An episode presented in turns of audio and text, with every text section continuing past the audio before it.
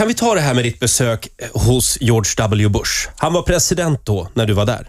Ja, han var president och eh, de som vinner Stanley Cup får alltid åka till Vita huset och ta emot gratulationerna. Har man med sig en, en matchtröja till presidenten och han eh, har lite tal för oss. Och då under tiden så var det en av hans ja, Secret Service-agenter, kallar man väl dem, som eh, tog mig och Chris Chelios åt sidan och sa, vill ni följa med här ska ni få se på en, en rolig grej. Och vi tänkte, jaha, det här måste ju bli häftigt för det är ju det är Secret Service i Vita huset. Var, Ja. var kommer vi hamna någonstans nu?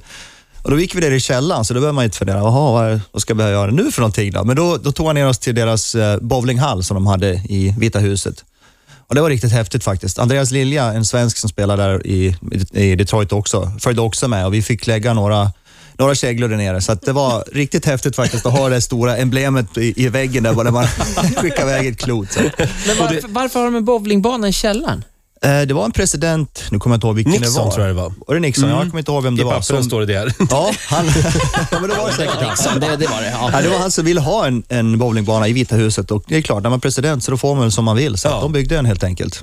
Vem blir nästa stora svensk i NHL? Eh, jag tycker Victor Hedman är en kille, en back i Tampa, en ung, ung back som eh, har mycket möjligheter, mycket potential. Eh, Niklas Bäckman, eller Bäckström ska jag säga, förlåt. Han i Washington, han är en kille som är en stjärna redan nu. Han kommer bara bli bättre och bättre. Så han, han är en kille som jag tror kommer bli en av de riktigt stora stjärnorna i NHL. Men och man måste ha lite tur, alltså hålla i kroppen och så, såklart.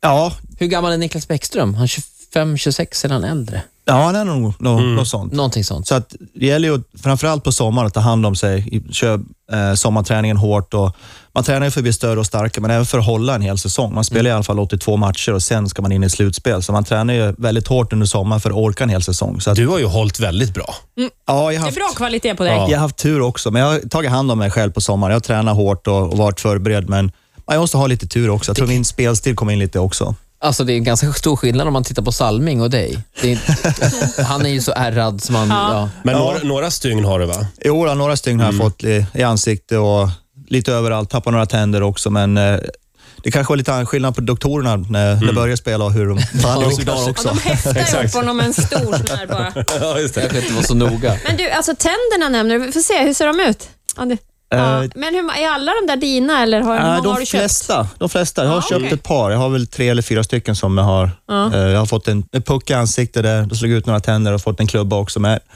förhållandevis bra har jag klarat mig faktiskt med tänderna. För Mats Sundins hockeyflin, det går inte av för hackor.